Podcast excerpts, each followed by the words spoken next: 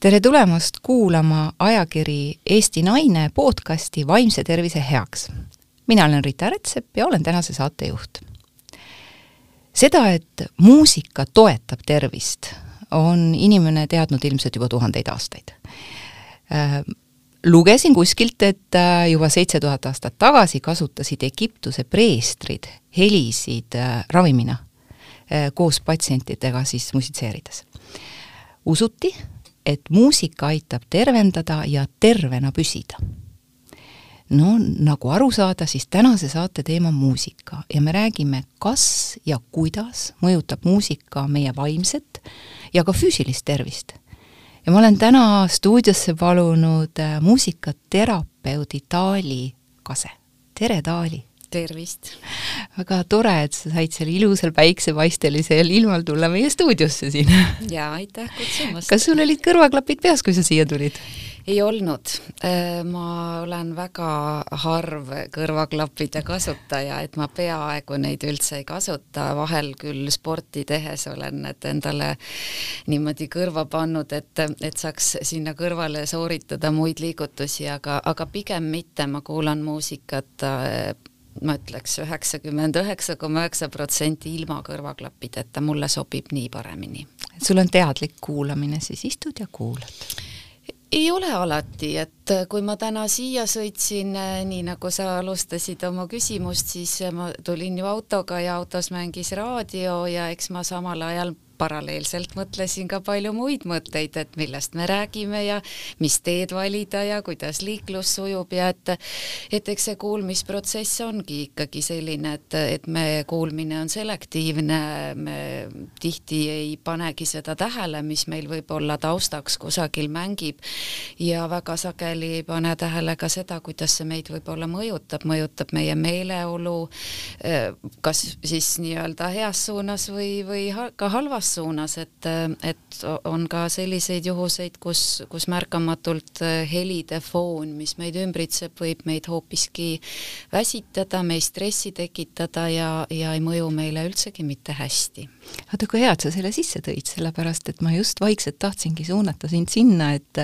et muusika saadab meid äh, praktiliselt kogu aeg, märkamatult ja ka teadlikult, kui me seda teadlikult kuulame, aga märkamatult on meie ümber väga palju müra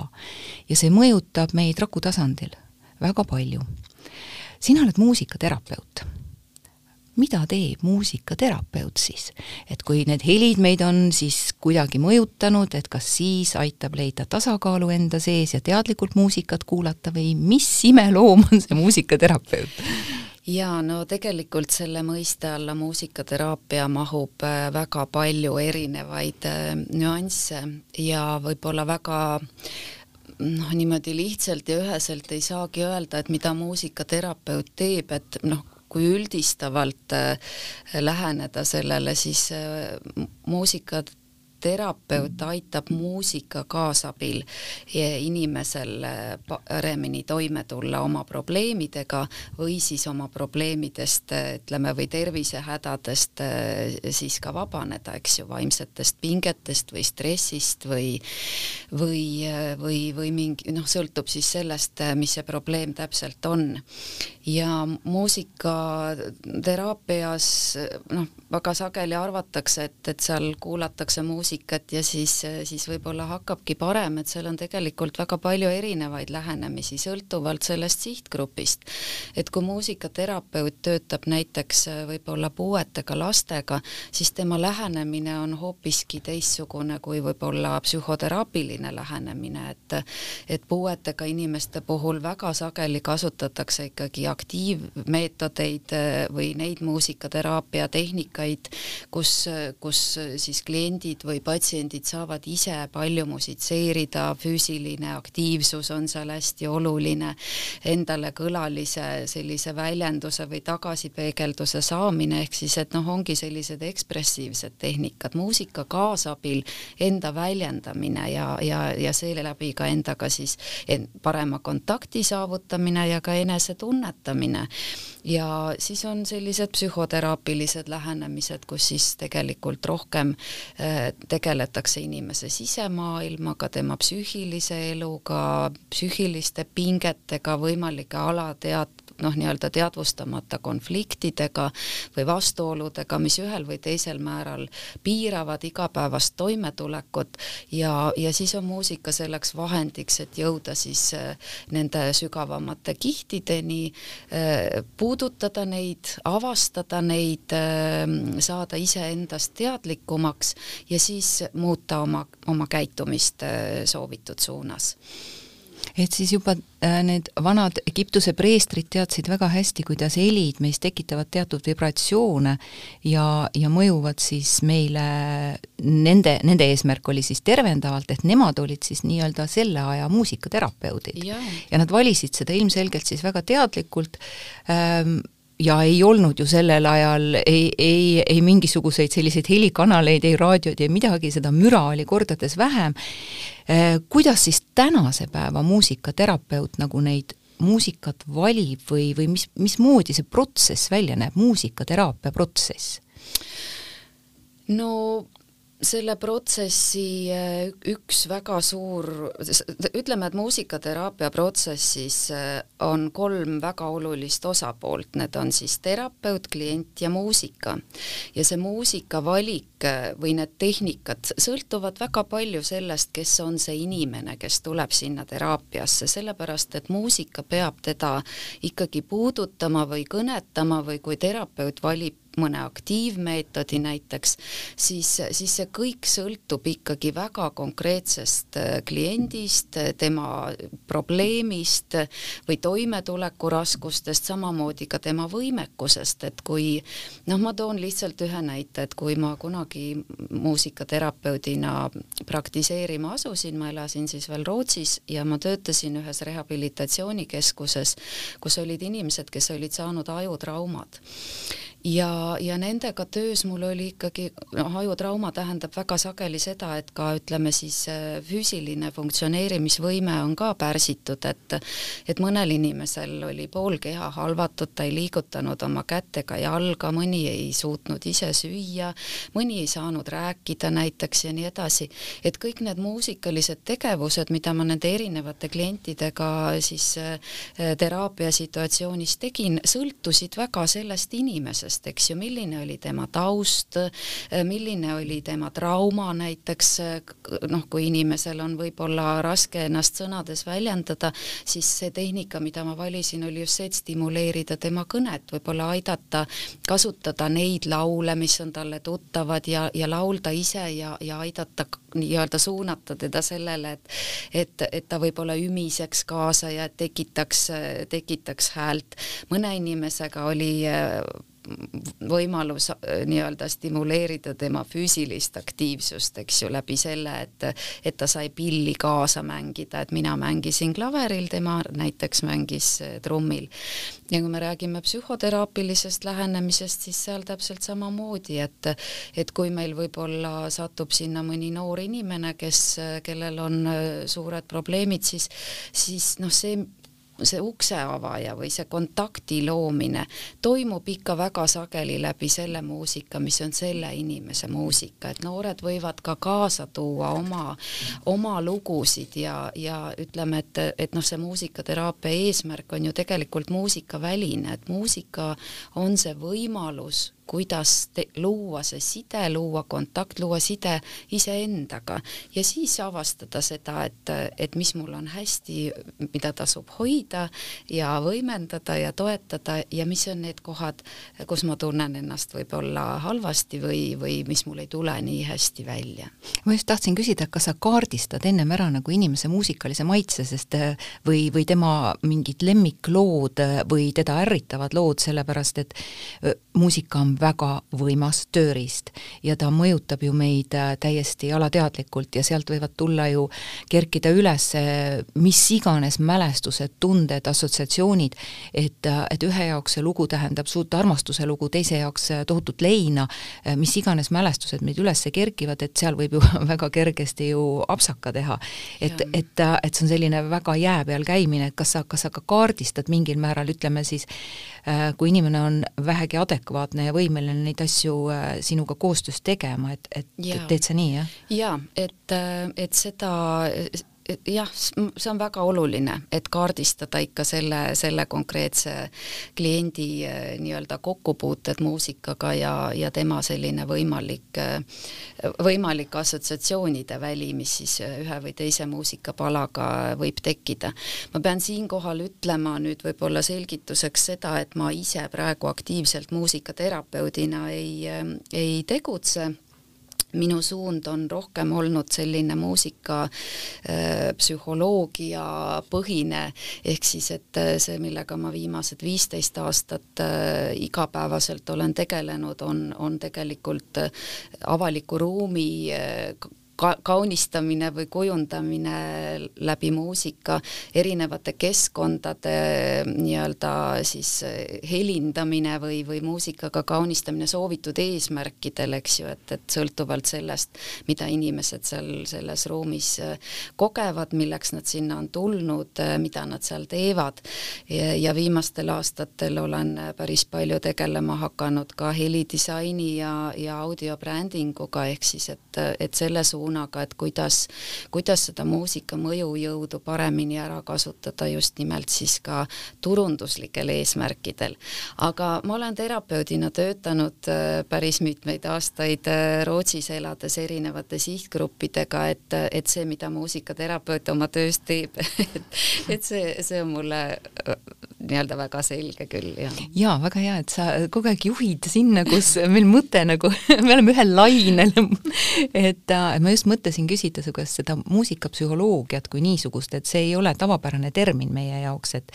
et noh, me teame küll äh, siin kunstiteraapiat võib-olla natukene rohkem ja loovteraapiaid, aga muusikateraapia ja muusikapsühholoogia on, on sellised, mida me, mille peale me võib-olla nii-öelda tavapäraselt väga ei mõtle. ja tõepoolest äh, mõte oli just ka see, et meie ju, kes me käime avalikes ruumides,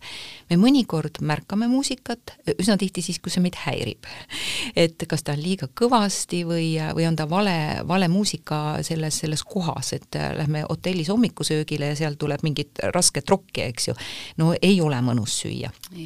et, et ilmselt me tahame ikkagi mingit lounge'illi, eks ju mm.. aga, aga just nimelt see, kuidas tegelikult seesama muusika, mis on avalikus ruumis, on ta siis kaubanduskeskus, on ta hotell, on ta ka töökoht, äh, mõjutab meid, meid märkamata täpselt samamoodi, kui me võtame näiteks eraldi, kuulame mingeid soundcheck'e, mingit filmi soundcheck'e, et see, see on omaette täiesti huvitav vaadata ühte filmi kus sa näed, kuidas sind mõjutatakse, sinu emotsioone mõjutatakse muusikaga. ja siis, kui sa hiljem kuulad seda soundcheck'i plaadina eraldi, siis kuidas need pildid hakkavad jooksma. et see on nii suur manipuleerimise koht tegelikult, ükskõik, on need reklaamid ja nii edasi, nii et sina tegeled sellega, jah ja. ja. mida me siis, mida me siis äh, tavainimesena, kui me, kui me nagu käime ringi, äh, mille eest võiks meid nagu hoiatada? Et, äh, et mitte lasta ennast siis mõjutada, kuigi meid mõjutatakse kogu aeg no ja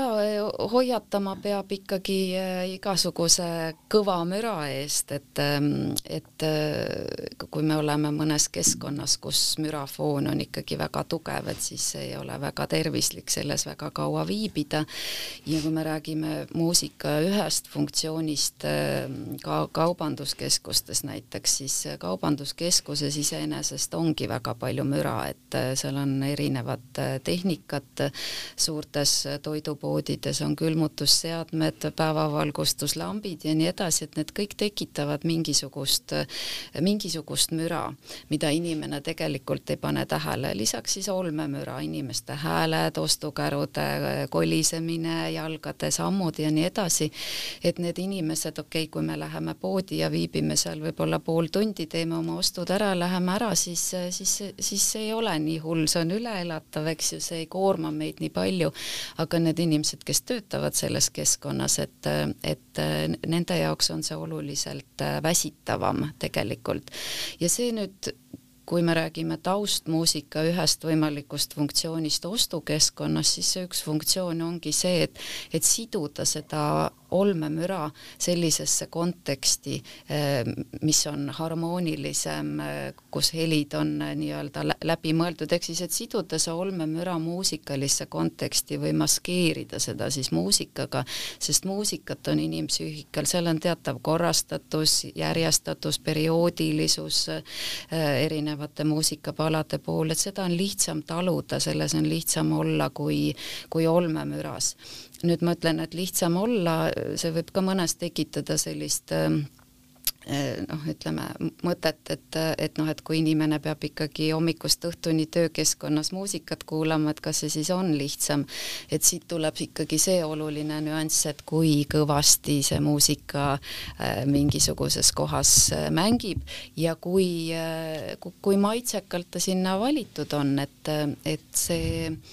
see taust ikka peaks sinna konteksti hästi olema sobitatud, et kui meil ongi spa, siis, siis see muusikavalik võiks ollagi selline rahuliku tempoga, mitte pealetükkiv, mitte väga liikuma suunav, mitte väga ärritav, just nagu seda rahu toetav või, või rahustamist toetav. ja kui me räägime spordiklubist, siis seal on väga kohane kasutada natukene tempokamaid, hoogsamaid lugusid ja, ja, ja ja võib-olla ka natukene nõks äh, helitugevust peale keerata, et, et just nimelt ergutada, äh, ergutada siis äh, inimesi spordi tegemise ajal jah, et noh, me märkame mingeid asju võib-olla teadlikult, et näiteks jõulude ajal lähme kaubanduskeskusesse, siis tuleb sealt äh, tüütuseni jõulumuusikat, eks ju, mõnikord on see väga ärritav, aga samas ta nagu suunab, äh, suunab meid jõulumeeleolule ja siis me lähme võtame neid jõuluasjakesi ja ja nii edasi, et eks, eks meiega toimetatakse päris palju sellisel kujul alateadlikult, see, see on igal pool meie ümber, eks. aga, aga samas äh, näiteks kui inimesel on mingid vaimse tervise probleemid, mis iganes, on ta, on ta väga kurb, on ta vihane, on ta väsinud, on tal depressioon, mis iganes asjad, äh, siis mis on see, mida see inimene saaks iseenda jaoks teha teadlikumalt äh, ilma muusikateraapiasse pöördumata äh, ja, ja märgates ka selles samas sotsiaalses keskkonnas, selles samas ruumis neid noh, ütleme neid ärritajaid, et kui ta läheb näiteks kuhugi, Äh, ta toimetab seal ja ta ei saa aru, mis temaga toimub. ilmselgelt need vibratsioonid, need helid, see muusika, need taustahelid, kõik ju mõjutavad teda. et mida ta peaks hakkama märkama, et saada äh, kuskilt otsast kinni, et seda oma sisemist korrastatust hakata ka ise kuidagi suunama. kas, äh, kas seal võib olla midagi sellist, et äh, ma saan aru, et ma muutun ärevaks ma saan aru, et mind mingi häirib, siis hakkavad mind kõik kaasinimesed häirima ja nii edasi, et mis, mis on, mida see inimene saaks ise võtta, et seda märkama hakata? noh, ega sellele võib-olla väga sellist eh, lihtsat vastust ei olegi, et, et kui see ärritus ikkagi või see ärevus eh, mingisuguses sotsiaalses keskkonnas kellelegi peale tuleb, eks ju, et et eks need on ikkagi sellised eh, väga kiired ja, ja teadvustamata protsessid, et, et noh, väga raske on anda seda soovitust, et mida siis teha, et, et võib-olla, võib-olla tunnetadagi iseennast või, või, või korraks, kui see võimalik võiks olla, mõelda, et mis see siis on, mis mind tegelikult praegu, eh, mis mulle siin keskkonnas ärritab, ärritavalt mõjub ja, ja kui võimalik on mõelda, et miks see mind praegusel hetkel ärritab. noh, tänapäeval räägitakse ju palju mindfulness'ist ja, ja, ja nii-öelda rahu leidmisest, et, et, et noh, kui ikkagi mingi ärritav keskkond on, siis minu soovitus võib-olla on see, et et siis tasuks sealt keskkonnast võib-olla korra väljuda ja, ja, ja leida enda jaoks siis see väike ventiil, et minna õue või hingata värsket õhku või või istuda korraks lihtsalt kuhugi rahulikult ja teha mõned sügavad hingad, hingetõmbed ja, ja taastada endaga võib-olla siis äh, esmalt selline kontakt ja, ja siis mõelda, et, et mis see siis nüüd praegu oli, et või, või mis mind ärritas. ja kui väga lihtsaid lahendusi pakkuda, siis no keskkondadest rääkides, siis vahel, kui kusagil ongi väga kõva muusika, no ma näiteks toon näite mõnest kohvikust, et et ei ole nii hästi valitud muusika mängib väga kõvasti, et siis on ju ka alati see võimalus minna minna ja paluda teenindajalt keerata pisut vaiksemaks, kui see segab jutuajamist või kui see, kui see takistab mul rahulikult kohvikus, kohvikus olemist, et et aga, aga jah, et eks eks kõik algab ju ikkagi noh, kõik, kõik on nii-öelda nagu selle persooni ja, ja hetkepõhine, et et, et millised nipid kellelgi on, et, et see eeldab võib-olla või millist soovitust anda, et see eeldab ikkagi sellist personaalset lähenemist ja, ja kontakti.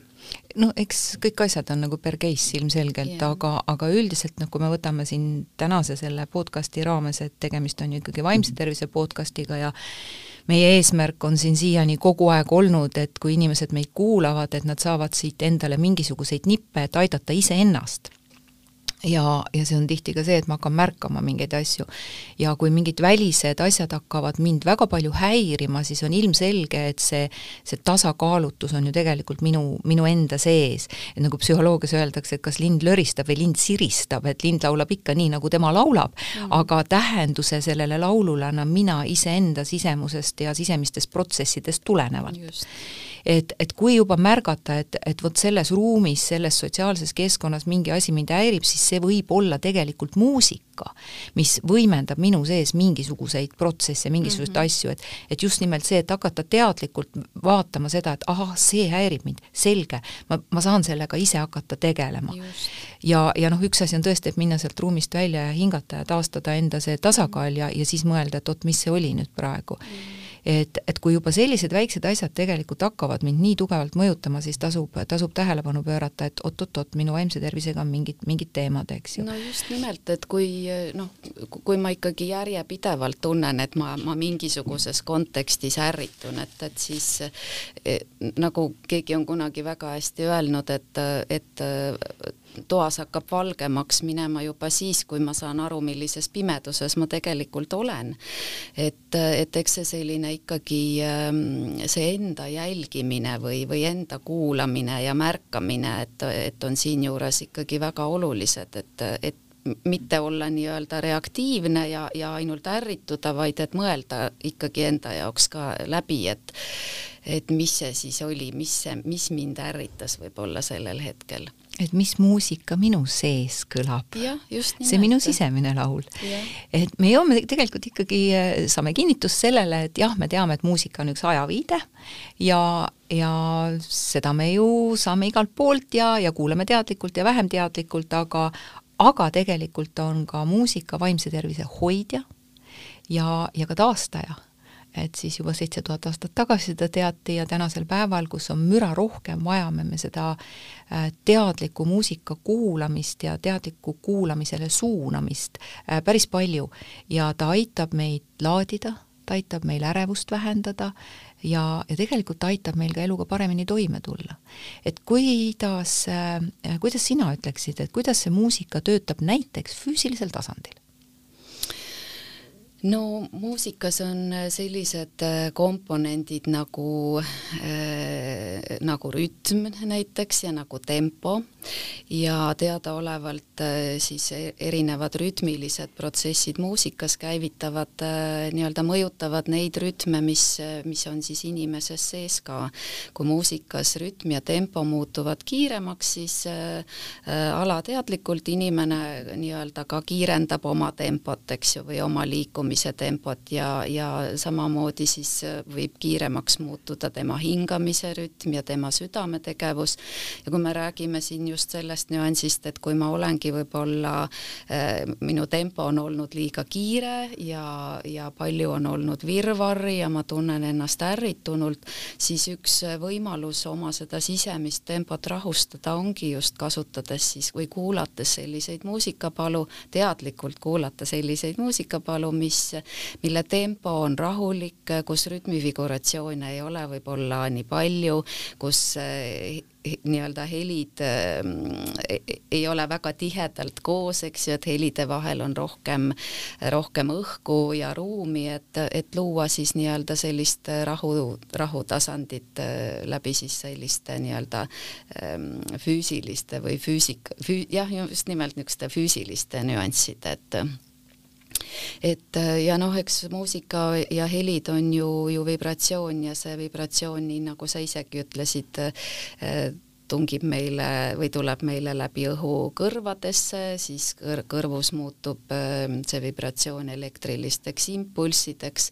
aju transpordib äh, neid impulsse ja, ja äh, siis sellega kaasneb väga palju erinevaid nii füsioloogilisi kui, kui erinevaid äh, psühholoogilisi reaktsioone siis. aga kas ei või juhtuda niimoodi, et näiteks inimene on väga ärritunud ja talle just sobibki selline väga tugev muusika, et selline rahulik muusika ajab teda närvi, ta ei suuda lõõgastuda. jaa, võib-olla küll, sest et paljud inimesed äh, tegelikult alateadlikult valivadki endale just kuulamiseks seda muusikat, mis vastab nende seisundile just antud ajahetkes, et et vahel ongi selleks, et seda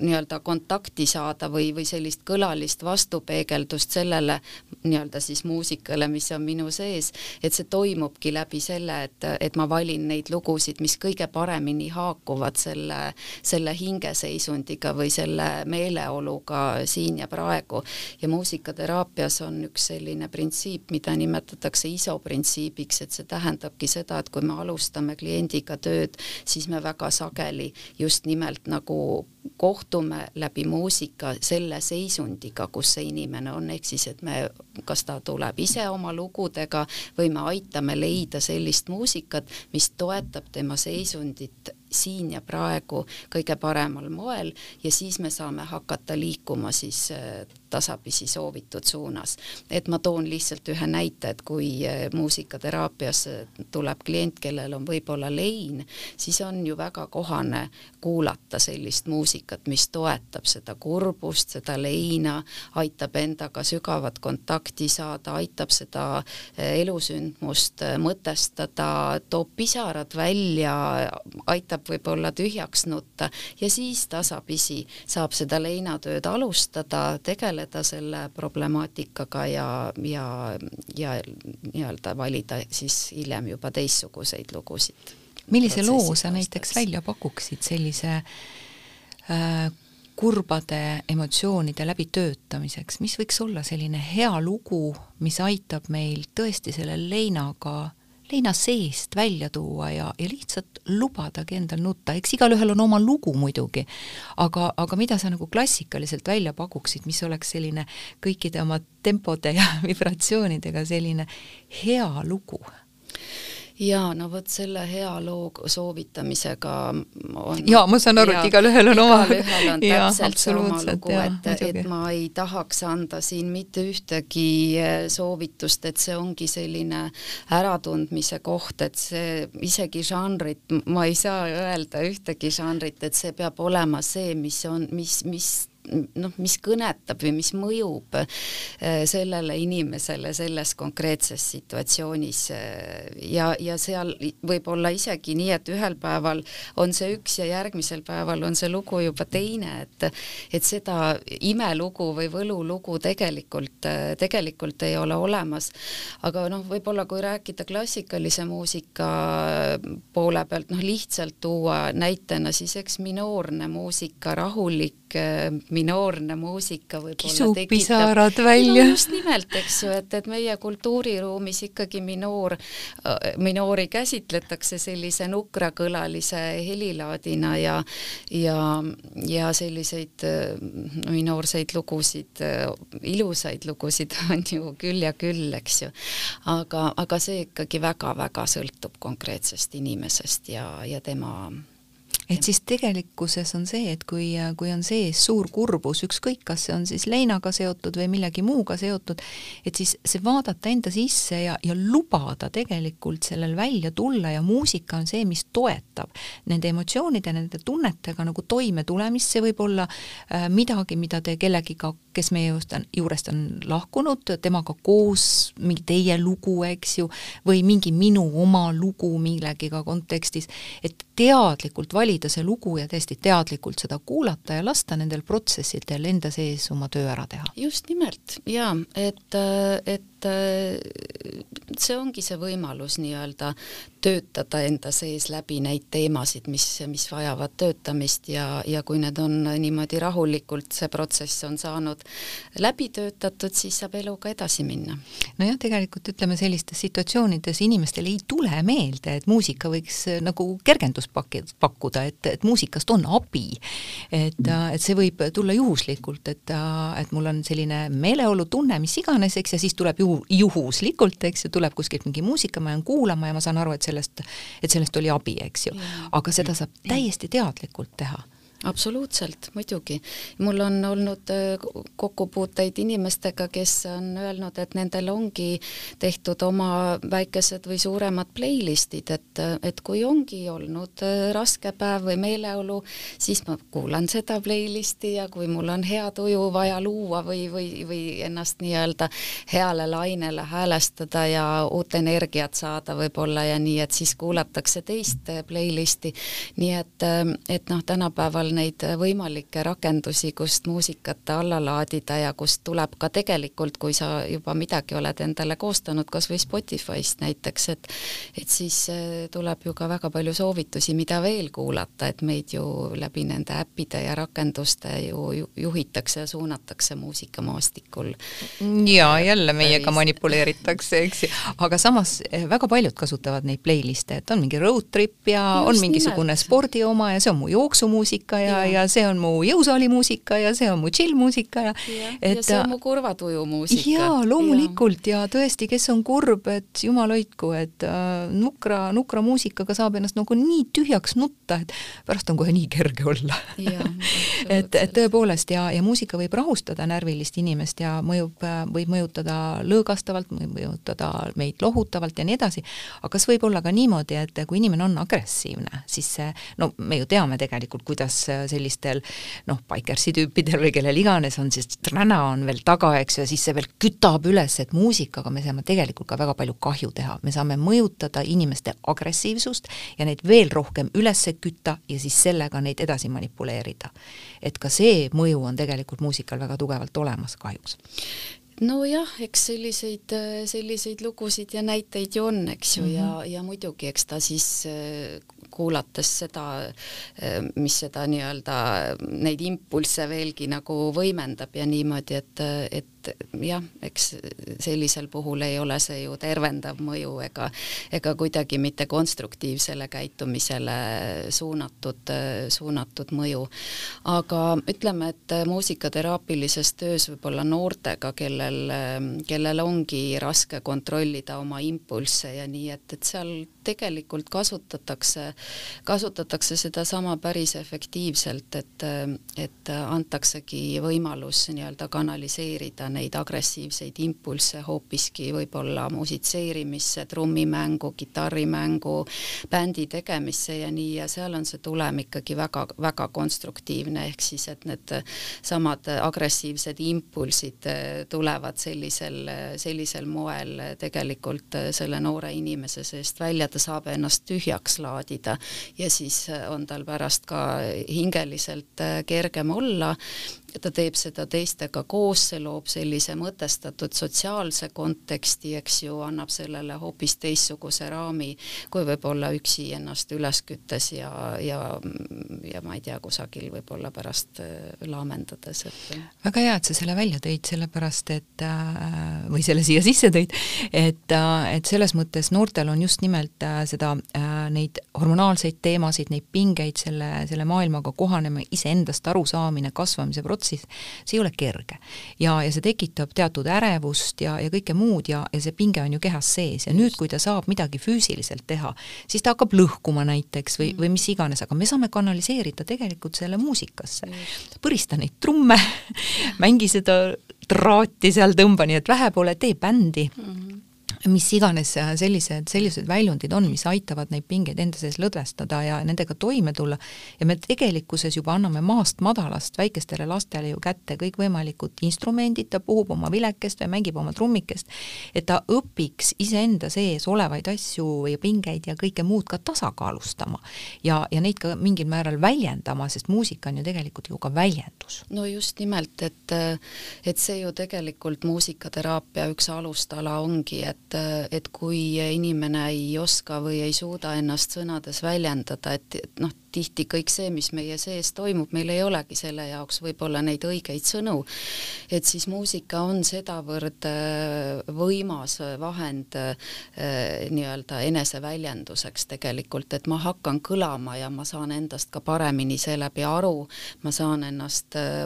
muusika abil nii-öelda tühjaks laadida, ma saan ennast ka teistele võib-olla nähtavaks ja kuuldavaks teha, et et kuidas see minu sisemine hääl siis kõlab, kui ma ei leia sellele tegelikult tegelikult oma sõnade repertuaarist äh, vastavat väljendit ja, ja vahel ma ei teagi, ma, ma saan alles siis kuulma, kui ma tegelikult kuulen, et ma arvan, et ma olen võib-olla hästi rahulik ja hästi tasakaalukas ja siis äkki selles improvisatsiooni situatsioonis, mida muusikateraapias sageli tehakse, tuleb minust välja hoopiski midagi muud. Ja see on see avastamise koht, et mis see siis oli ja, ja kust see tuli ja mis see minu jaoks tähendab ja, ja kuidas see on seotud minu elu ja toimetuleku ja võib-olla minu lapsepõlvega või, või mingite allasurutud mälestustega. et, ähm, et jah, et siin, siin on see nii-öelda see selline teraapiline pool siis jah, et mitte ainult muusikat sees. kuulates, teiste inimeste loodud muusikat kuulates ei teki meil kujutluspildid ja mälestused, vaid ka ise seda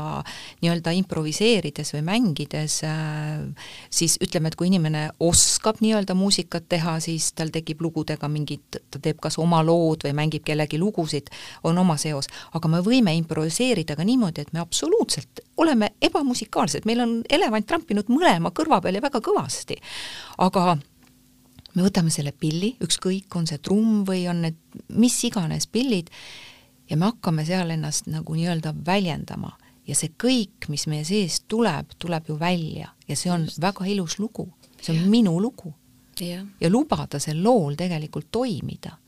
Äh, tead, mis mu lemmikpill on? ei tea. hängtrummid mm mulle nii meeldivad need Hang Massive, ma olen kõik kontserdid ära vaadanud, mis siin Eestis on olnud ja rohkemgi veel.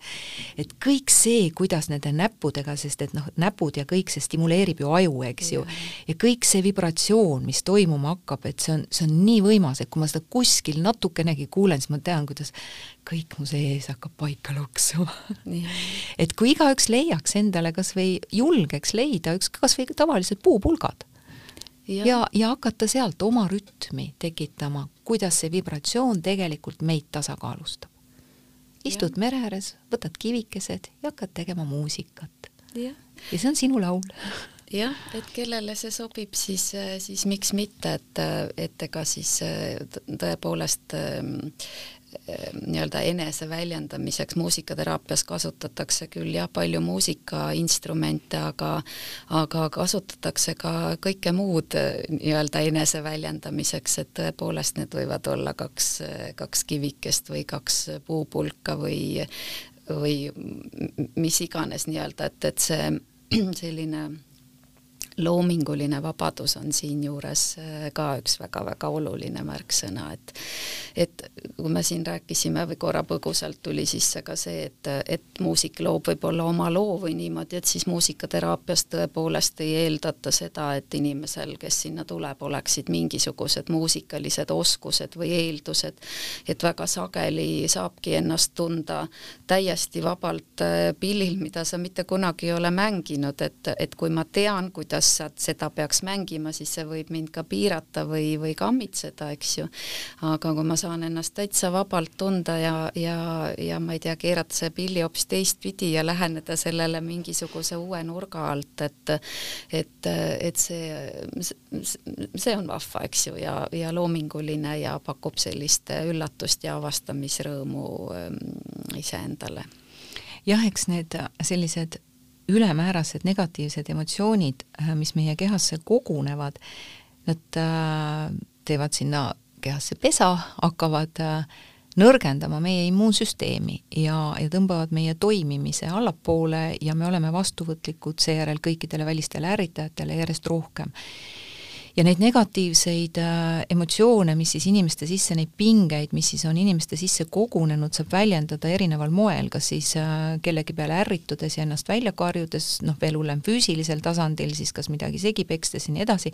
et tegelikult see negatiivsus tahab meie seest välja tulla, et keha on nii palju tark, et et kui sa oled olnud nii rumal, et minu immuunsust nõrgestad, siis, siis ta teeb oma töö, et seda kuidagigi tasakaalustada, et me otsime kõik tasakaalu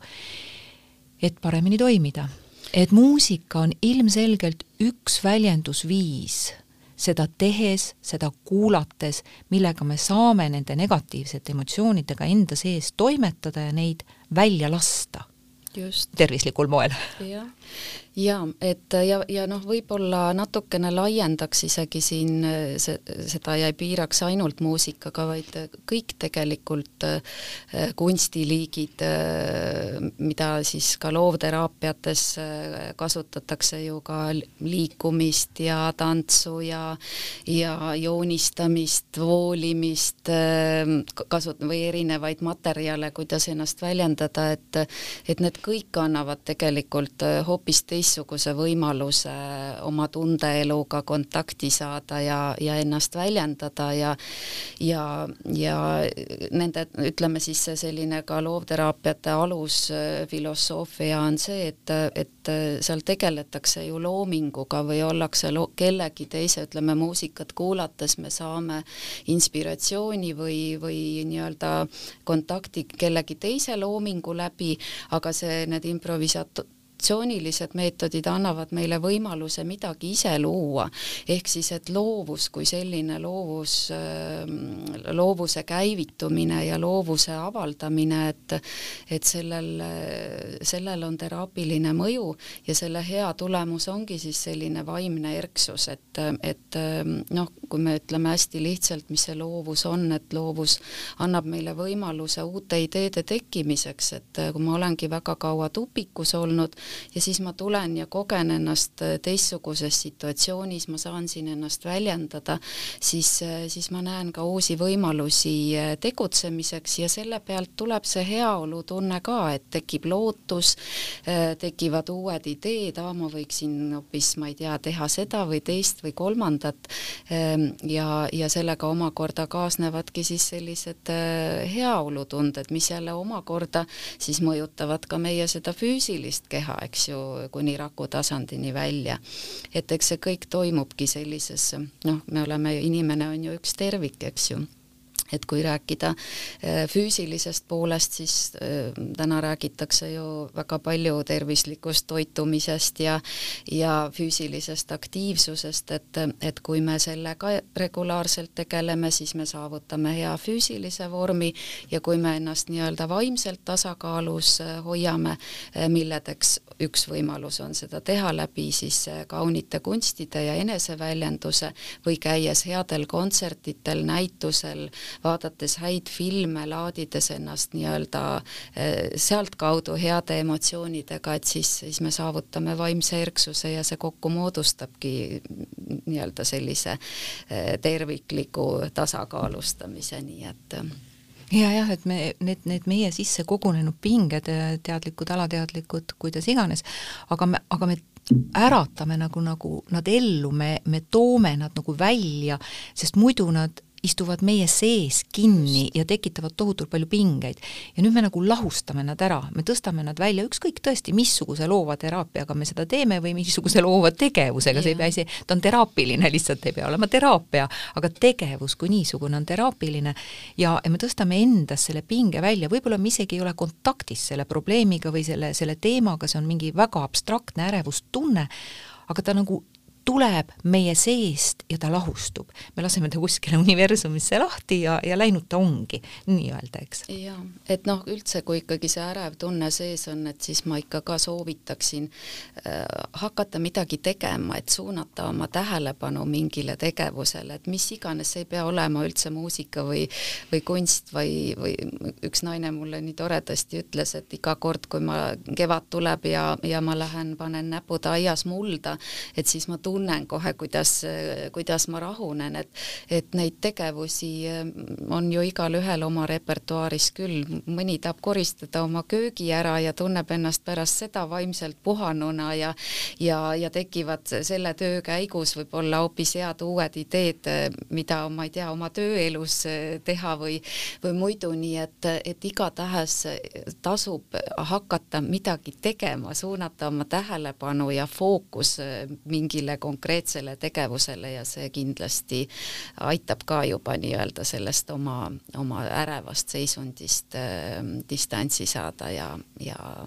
rahuneda absoluutselt, me viime fookuse mujale no. et, et muidu meie fookus on sellel ärritajal kogu aeg ja mida rohkem on fookus selle peal mm., seda rohkem me teda toidame ja seda suuremaks ta kasvavad, aga, aga siis me viime selle fookuse kuskile mujale ja ja tõepoolest mind ennast jäi praegu siin täitsa kummitama see, et, et kui, kui mõnus oleks istuda kuskile kivi otsa, võtta kätte kaks väikest kivikest ja hakata tekitama mingit oma rütmi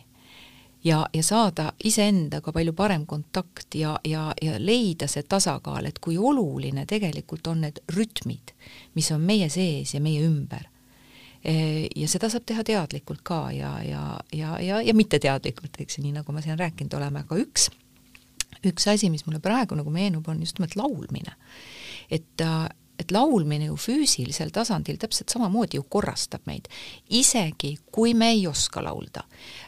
Ole, olen ka näinud seda, kuidas tõesti väga-väga sügava puudega inimesele, inimestele, grupile tehakse siis sellist muusikateraapiat, kus nad siis ümisevad ja lihtsalt kõigutavad ennast sellest kaasa ja kui suur rahulolu nende inimeste sisse tuleb, et sa näed, kuidas need lihased lõdvestuvad, kuidas suunurgad tõusevad üles, kui õnnelikud nad on. Nad ei saa tegelikult üldse aru, mis nendega toimub, aga kui sügavale võib minna muusika ja rütm. et see on, see on väga võimas, on selline ümisemine ja laulmine ja, ja, ja ka karjumine jaa, muidugi, et oma hääle, hääl on ju meie kõige, kõige lähem muusikainstrument üldse, mis meil kõigil olemas on ja, ja oma hääle tekitamine ikkagi tekitab kehasse seda kõige orgaanilisemat äh, vibratsiooni minuga võib-olla kõige rohkem kooskõlas äh, olevamat vibratsiooni ja ja, ja häälepaelad võnguvad ja, ja me hingame samal ajal, kui me häält tekitame ja ja siin on kindlasti väga sügav, sügav mõju ja, ja sügav äh, siis nii-öelda või noh, nii-öelda hea võimalus äh, nii enda, enda rahustamiseks kui, kui võib-olla ka tõepoolest endast välja, välja karjumiseks, kasutades enda seda häält, et, et siinjuures ei tohiks muidugi oma häälepoeltele väga liiga teha, aga aga kui see või, või nagu vajadus on, eks ju, et siis no miks mitte, et jah, see tuleb nagu nii sügavalt seest, et täpselt ja. samamoodi võib olla muusika ja sugugi mitte heas mõttes teise inimese peale karjumine. et see on see sisemise vibratsiooni, selle sisemise muusika, selle minu laulu väljatoomine, et me saame ka sellist konteksti võtta, eks. aga et, et teha head iseendale ja teistele äh,, võiksime hoopis teise, teise nurga alt sellega tegeleda, et võib-olla tõesti kas siis laulda või kaasa laulda või äh, miks mitte, mina laulan küll autos kaasa, kui vaja, laulan kaasa, väga tore. aga, aga samas näiteks ma olen äh, täitsa lugenud selliseid asju, sina tead kindlasti neid kordades rohkem, aga, aga näiteks äh, kui me võtame siin äh, soolestiku, äh, ärritunud soolesündroom ja kõikvõimalikud sellised soolega teemad, siis seedimissüsteem on emotsionaalsel tasandil nii-öelda tervise mõttes, on teemad, mida me ei suuda läbi seedida. mingid teemad, mis meie sisse kogunevad ja nüüd, kui me võtame näiteks laulmise, siis me suudame seda, mõte läheb laulu peale, me kanaliseerime selle laulu peale ja, ja selle laulmisega me tegelikult võime äh, rahustada ka oma seedesüsteemi. jaa, noh, eks see on seesama, mis ma juba eelpool ütlesin, eks ju, et et noh, osalt ongi see see, et me suuname oma tähelepanu ju tegelikult muule äh, tegevusele, mis tekitab meis sellel hetkel äh, häid emotsioone ja meie tegelikult siis ka füüsiline keha lõdvestub äh, seda tegevust tehes märkamatult. Ja, ja kui me keha on, on lõdvestunud, siis teatavasti kehas käivituvad ka ikkagi sellised tervenevad, tervenevad erinevad protsessid, olgu siis nii-öelda see, see probleem, kus, kus iganes, võib-olla mitte ainult sooltes, vaid, vaid ka mujal, et et ja noh, näiteks meditsiinis kasutatakse ju muusikat ka väga teadlikult äh, inimeste aitamisel, kellel on võib-olla kroonilised valud, et just täpselt samamoodi, et juhtida tähelepanu selle valu juurest mujale, et pakkuda siis nii-öelda äh, sellist või pakkudes lõõgastavat muusikat, mis aitab rahuneda, inimene kuulab seda, jääb seda kuulama, eks ju, tema tähelepanu läheb mujale ja samal ajal keha ikkagi siis nii-öelda lõdveneb ja, ja see valuaisting ka väheneb. Ja ma tean, et on tehtud isegi selliseid katsetusi operatsioonisaalis, kus inimene on saanud operatsioonile kaasa võtta just nimelt siis selliseid muusikapalu, mis talle omavad kõige rahustavamat mõju, need on tal enne läbi kuulatud ja läbi proovitud. Ja kui ta operatsiooni ajal narkoosi all olles siis äh, kuuleb seda muusikat, siis, äh, siis läheb ka vähem äh, narkoosi, et, et seda on täitsa mõõdetud, et keha on palju pingevabam ja, ja ja, medikamente nii-öelda keha lõdvestamiseks või, või nii-öelda väljalülitamiseks ei olegi eh, nii palju vaja. Siis ma saan praegu aru, kui suur see teema tegelikult on, et, et kui ma selle peale mõtlesin, et kõik, mis meie ümber toimub, on muusika ja muusika õigel ajal õiges kohas annab jõudu, teeb tugevaks, toob alateadvusest äh, kõikvõimalikke teemasid üles, aitab meid rahustada, võib meid ärritada, siis praegu ma saan aru, et see teema on kordades suurem, kui me üldse suudame siin kajastada. aga, aga, aga oluline äh, vist võiks nagu mõelda seda meie kuulajate jaoks, inimeste jaoks, kes meid on siin nüüd praegu kuulanud äh, ja kaasa meiega mõelnud, et et kui palju me saame sellise muusikaga iseenda jaoks ära teha, ükskõik siis kas äh, liituda mõne grupiga, minna laulma, teha muusikat kuskil bändis äh, või võtta needsamad puuoksakesed ja, ja, ja lasta sel vibratsioonil enda sees äh, välja tulla ja luua oma lugu või lihtsalt ümiseda, lihtsalt hakata ümisema, kas või see, et mu sees on nii suur valu ja ma teen sellest valust laulu ma lihtsalt ümisen oma valu välja. jah et me saame kõik tegelikult luua ja olla iseenda muusikaterapeudid. absoluutselt, et, et see oli nagu praegu selline hea avastus iseenda ja, jaoks. me saame ja väga paljud inimesed ongi, ilma et nad seda üldse niimoodi sõnastaks või teadvustaks, et, et valides endale kuulamiseks just neid lugusid näiteks, mis, mis hetkeseisundit võib-olla kõige paremini äh, toetavad või kuni tõesti selleni, et äh, tänapäeval on ju näiteks täiskasvanud kasvanud inimeste hulgas päris populaarne hakata õppima mõnda pilli, tegeleda nii-öelda hobi korras äh, muusikaga, saades sealt uut inspiratsiooni ja, ja omandades ka täiesti võib-olla uusi oskusi või mul on tutvusringkonnas mitmeid inimesi, kes kunagi lapsena on mänginud pilli ja nüüd on ühtäkki äh, keskeas näiteks avastanud, et oo, nii tore oleks, tore oleks musitseerida uuesti ja ja nii, ja seda võib teha üksi, võib teha kellegagi koos, et tegelikult on need äh, tõesti meil kõik igapäevaselt me oleme ju ümbritsetud nendest võimalustest, aga aga seda ei tohi lihtsalt ära unustada, et tuleb seda julgelt kasutada ja leida ikkagi see, mis minule kõige paremini sobib, et kui mulle sobib mere ääres istuda ja ja iseendaga olla ja ümiseda või, või kahte kivi kokku kopit-, koputada, siis siis see on väga tore ja kui ma tunnen, et, et see ei ole päris, päris, päris nagu või ma tahan hoopis garaažibändi teha no,. täpselt tõmban traati. just nimelt, eks ju, või, või ma tahan minna koori laulma või ma tahan minna heale kontserdile ja istuda seal üksinda ja kuulata ja, ja mõtiskleda ja lasta oma fantaasial ja assotsiatsioonidel kuhugi lendama minna, et, et see ikkagi, see, see on ka häälestumine iseendale ja, ja, ja endaga kontakti saamine ja, ja julgus olla see, kes ma olen ja leida need minule sobilikud muusikalised väljendusvahendid. lasta loovus lendama no, las ta loob ja lehvitab. kusjuures, äh, kui sa tõid korraks lapsed sisse, et see on üks teema ilmselt, millega, millega ma ei jõua siin praegu tegeleda, aga, aga mul tuleb kuskilt äh, kuklast tuleb meelde see, et et lapsi tuleks tegelikult suunata pillimängule juba väga varases lapsepõlves ja mitte noh, niimoodi tundide viisi klaveri taha, vaid, vaid tõepoolest ka mingi pill talle selgeks õpetada mingisuguse aja jooksul, et see tekitab ajus teatud äh, sellised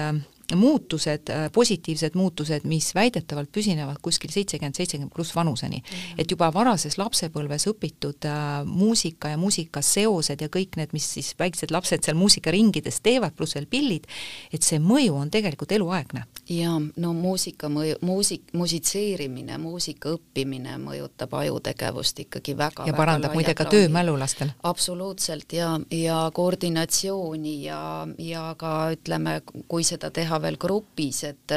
et sellised suhtlemisoskused, üksteisega arvestamine, üksteise kuulamine, see, mis meil elus on äärmiselt oluline oskus igapäevases suhtlemises, et seda kõike saab muusikalises kontekstis muusikat tehes, koos musitseerides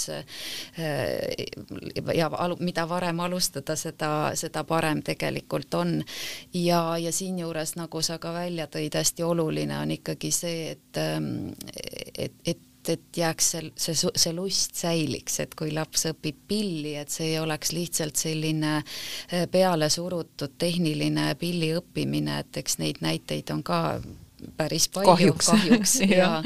aga et, et kui, kui õpetaja suudab hoida seda mängulisust ja, ja loomingulisust ja vabadust ja anda võimalusi lihtsalt improviseerida sellel pillil, eks ju, et võib-olla laps õpibki viiulit ja mängib seal ainult klassikalise muusika palu, aga et et kui lihtsalt niisamuti teha seal selliseid helisid, mida, mida võib-olla traditsiooniliselt klassikalises muusikas ei tehta, et ma arvan, et see annab sinna hoopis teistsuguse lisadimensiooni ja sealt tuleb see, see selline äh, võimalus ennast äh, väljendada ja, ja kuulda, et hmm, need on need minu helid, mina tekitasin neid praegu, et et muusika on ikka väga võimas tööriist. absoluutselt. super et, et muusikaga võib mõjutada vett ja kõike muud ja, ja mida me sisse joome, et see on üks lõputu teema, et aga, aga ütleme niimoodi, et äh, lõpetuseks, kas sa kirjutad alla, et kuskil viisteist, kakskümmend, kolmkümmend minutit muusikat päevas, see mõjub meie vaimsele tervisele ergastavalt ja mõnusalt jah, so endale sobilikku muusikat. Endale sobilikku veel... muusikat, just. nimelt. super, aitäh, Tali, et sa tulid ja meiega kõike seda jagasid ja aitäh meie kuulajatele, kes kes meid kuulasid ja kui mul algselt oli mõte, et nüüd paneme siia ühe muusikapala lõpetuseks, siis ei pane. igaüks läheb ja võtab nüüd ja kuulab seda, mis mõjub talle hästi.